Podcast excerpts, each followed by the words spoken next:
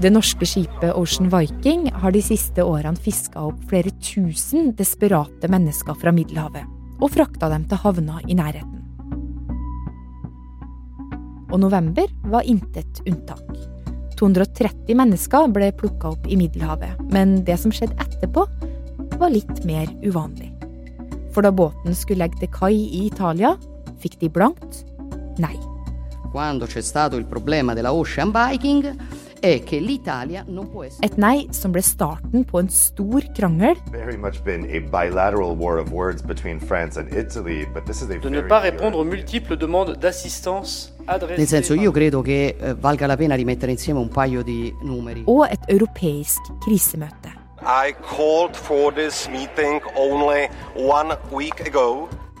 For med denne saken fikk Europa virkelig øynene opp for at veldig mange mennesker igjen flykter hit.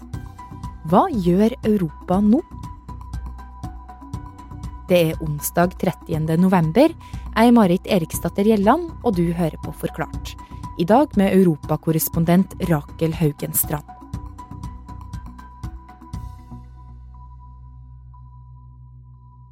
Nå i november så har det vært en sjelden høylytt krangel mellom eh, Frankrike og Italia. For Frankrike har beskrevet Italias oppførsel som helt uakseptabel. Eh, og den italienske statsministeren har anklaga Frankrike for svik. Eh, og stemninga har til slutt blitt så dårlig at EU måtte kalle inn til et krisemøte. Og bakgrunnen er et kontroversielt valg som Italias ferske statsminister og høyreradikale Giorgia Meloni tok tidligere i høst. L'unico porto possibile di sbarco per i migranti che arrivano dall'Africa?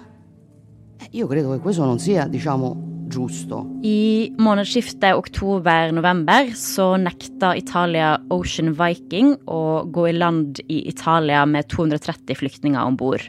Um, da var situasjonen om bord på skipet ganske alvorlig, eh, ifølge Ocean Viking sjøl. Eh, for der var liksom helsa og det sanitære stadig dårligere, og eh, de sa at det var fare for liv. Og i tillegg så var det òg nesten 50 barn om bord i båten, og mange hadde ikke foreldre med seg. Eh, men skipet fikk likevel nei fra Meloni. Eh, Italia mener de har gjort sitt, og at andre europeiske land må ta mer ansvar for de migrantene som kommer. Og Meloni sier òg at hun er sjokkert over det hun kaller en aggressiv reaksjon fra Frankrike.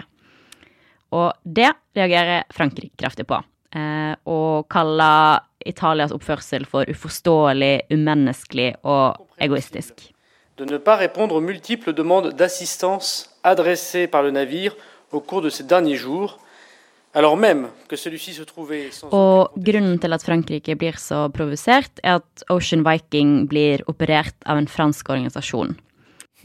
Og hva skjer videre da, Rakel? Altså, hvordan utvikler denne krangelen seg? Det enda mer skipet får legge til kai i Frankrike, og der sto 600 politifolk klare til å ta imot eh, skipet med 230 flyktningene. Og de blir så sendt rett til et slags ventesenter der de kan forsøke asyl. Og i Norge så har vi sagt at vi vil ta imot ca. 20 av flyktningene som kom til land i Frankrike. Og så, eh, forrige uke, så hasteinnkalte da EU-presidentskapet til et møte om flyktningsituasjonen i Europa. Eh, for de ønsker ikke at den utrolig offentlige og ganske pinlige krangelen mellom Italia og Frankrike skal få utvikle seg til, eh, til å bli enda verre. Og for etter at eh, man krangla om Ocean Viking, så har Frankrike sagt at de legger på is en avtale med Italia der de opprinnelig har sagt at de skal ta imot 3500 asylsøkere som akkurat nå befinner seg i Italia. Ja, så det så faktisk ut som om krangelen kom til å påvirke en del sånn asylsamarbeid som er innad i EU. Ja, de frykter vel at eh, en del avtaler og samarbeid skulle, skulle bli lagt på is, da, og at det kunne virkelig bli en stor politisk krise. Og det her EU-møtet kommer vi tilbake til, for ja, da Meloni nekta Ocean Viking og de 230 menneskene som var redda om bord å legge til kai, så var det som om det gikk opp et lys for de europeiske lederne. Mm. At det nå virkelig haster å få på plass tiltak som gjør noe med at det kommer utrolig mange folk til Europa nå. For nå er det så pressa på enkelte reiseruter at det nesten er like stor økning av mennesker på flukt som under flyktningkrisa for seks-sju år siden. Da opplevde EU den verste flyktningstrømmen siden andre verdenskrig. Over én million mennesker kryssa grensene inn i Europa. Mennesker i nød, mennesker som ønsker seg til et bedre liv. Til å ta imot på en verdig og skikkelig og inkluderende måte. For det kommer om lag 2000 asylsøkere hver uke. Da reddet svensk og italiensk kystvakt 1100 båtflyktninger utenfor kysten av Libya. Men på de fem-seks årene det har gått, har også andre nyheter tatt mer og mer over. En pandemi. I Gjerdrum. America first. Mot eh, Ukraina. the death of Her Majesty Queen Elizabeth II. Men det her betyr jo ikke at folk har slutta å ta seg til Europa. Etter flyktningkrisa i 2015 og 2016 så fikk man til en del avtaler, bl.a. blant annet med Tyrkia.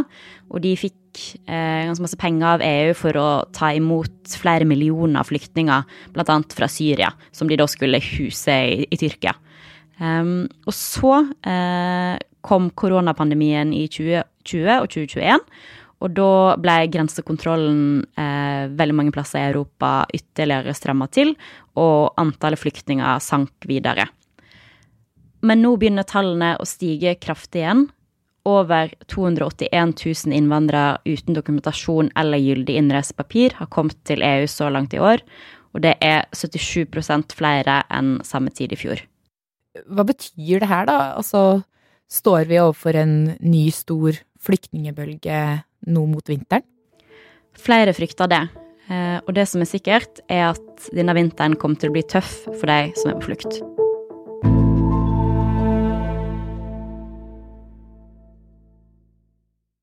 For litt over en måned siden kom greske grensevakta over noe ganske forstyrrende.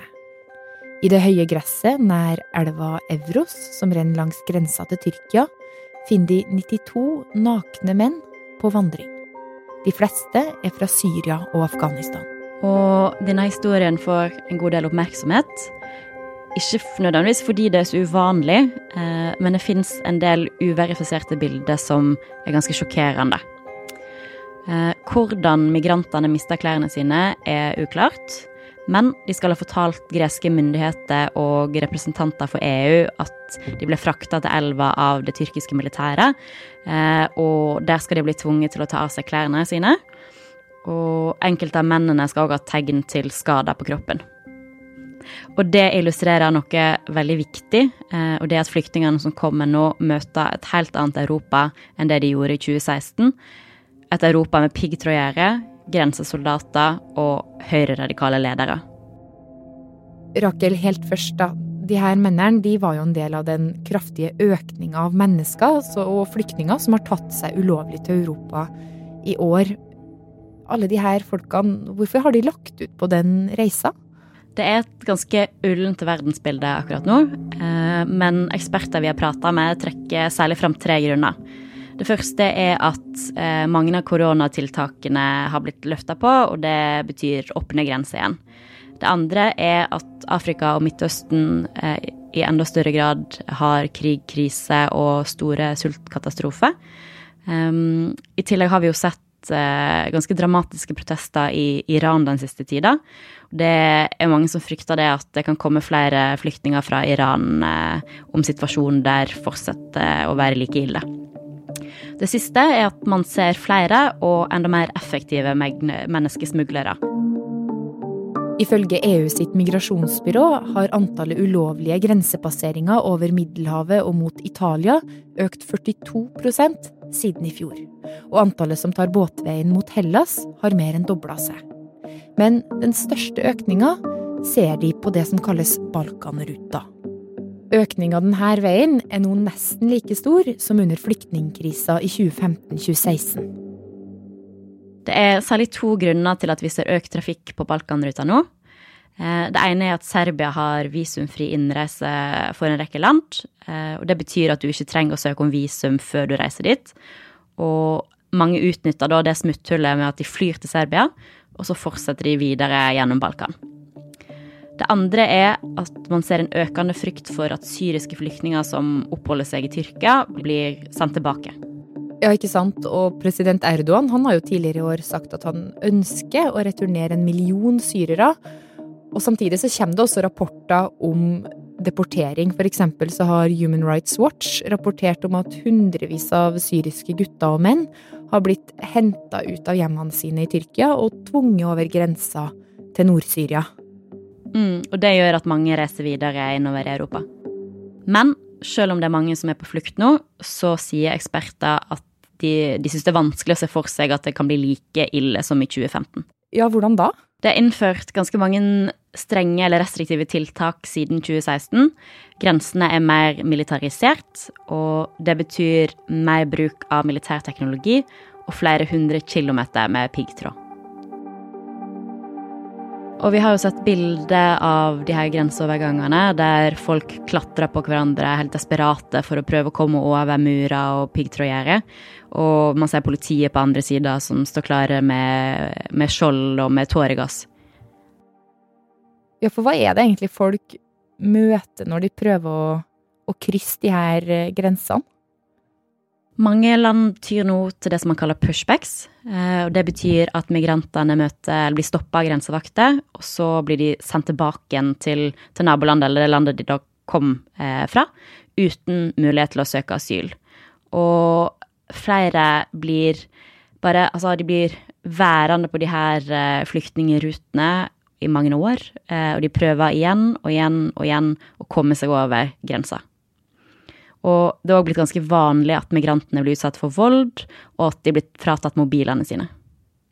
Dette er jo fastlandet, men så kommer det jo òg en del folk til havs eh, som, også, som nå opplever at de ikke får komme i land, eh, på tross av at det kan være snakk om livsfare. Og Ocean Vikings sitt forsøk på å legge til kai i Italia er jo et eksempel på det her. Og da er vi også tilbake til der vi starta, nemlig krangelen mellom Italia og Frankrike og EU sitt krisemøte som starta for snart en uke siden. Der skal de også prøve å finne en løsning på den bølgen av mennesker som tar seg ulovlig inn i Europa. Flere i Europa frykter at det kan komme en ny og omfattende migrasjonsstrøm i vinter. Ehm, og det skyldes jo bl.a. en forverring av forholdene i Afrika og Midtøsten. Eh, men en annen bekymring er at man ser til, tendensene til sprengt kapasitet hos enkelte europeiske land. For nå sover ganske mange flyktninger utendørs, eller eh, at det blir oppretta teltleirer. Eh, det merker jeg f.eks. godt i Brussel, for her er det utrolig mange som sover på, på gata nå. Og forholdene beskrives som grusomme enkelte steder. I Nederland så har det nå ganske nylig vært en sak om at 700 personer har sovet ute i flere måneder fordi man mangler plass på mottakene. Og eh, det blir òg blitt rapportert om eh, altså skader på eh, Altså sår på beina og på, på huda fordi man ikke får dusje. Hm. Hvem er alle de her menneskene?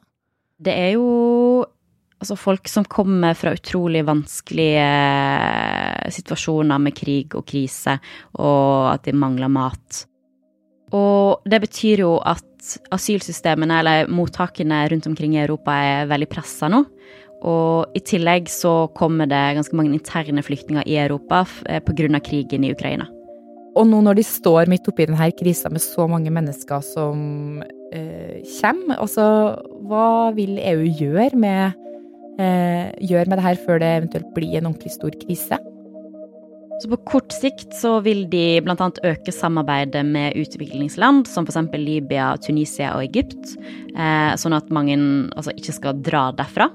Eh, de vil òg ta opp kampen mot menneskesmugling, eh, og de ønsker å styrke beskyttelsen av grensene med flere grensevakter, f.eks., og øke den finansielle støtta til enkelte land. Um, så langt så har det blitt lagt frem en plan med 20 tiltak uh, for den ene ruta i Middelhavet. Uh, men det har òg blitt sagt at det, jobber, det, blir jobba med konkrete tiltak for Balkanruta nå.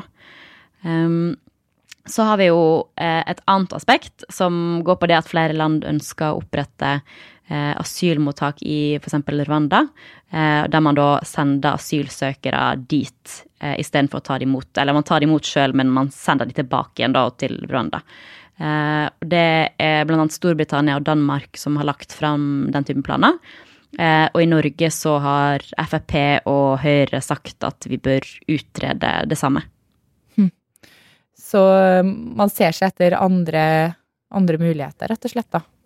Mm, det gjør man. Men kan det her fungere, da, de her tiltakene? At Serbia eksempel endrer visumreglene sine, blir nok sett på som ganske sannsynlig. Men EU og Schengen-landene har diskutert eh, migrasjonsproblemer helt siden 2015 uten at det har kommet så veldig masse ut av de diskusjonene. Eh, for det er fortsatt veldig stor uenighet om hvordan man skal fordele ansvaret og byrden eh, de ulike landene opplever innad i EU. Um, og det er jo selvfølgelig òg veldig vanskelig å gjøre noe med den situasjonen som mange befinner seg i da, i Afrika og i Midtøsten, eh, der man mangler mat og er helt desperat etter å komme seg vekk. Um, det skal holdes et nytt EU-møte om ei ukes tid, og kanskje så kommer man nærmere enighet og litt flere konkrete tiltak da.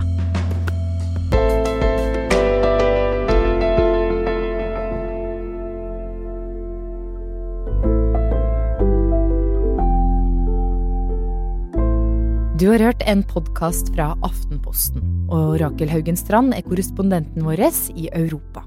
Lyden du hørte var fra France 24, NTB, NRK, ABC, The Guardian, VGTV og nyhetsbyrået AP. Og episoden er laga av Jenny Føland, Anders Weberg og meg, Marit Eriksdatter Gjelland. Resten av Forklart er Anne Lindholm, Synne Søhol, David Vekoni og Fride Næss Nonstad.